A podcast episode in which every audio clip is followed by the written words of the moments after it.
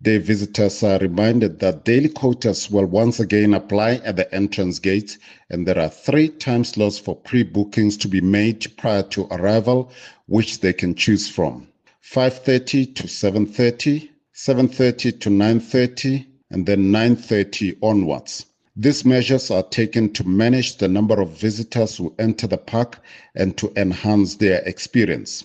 We will also increase monitoring of speed littering and congestion at sightings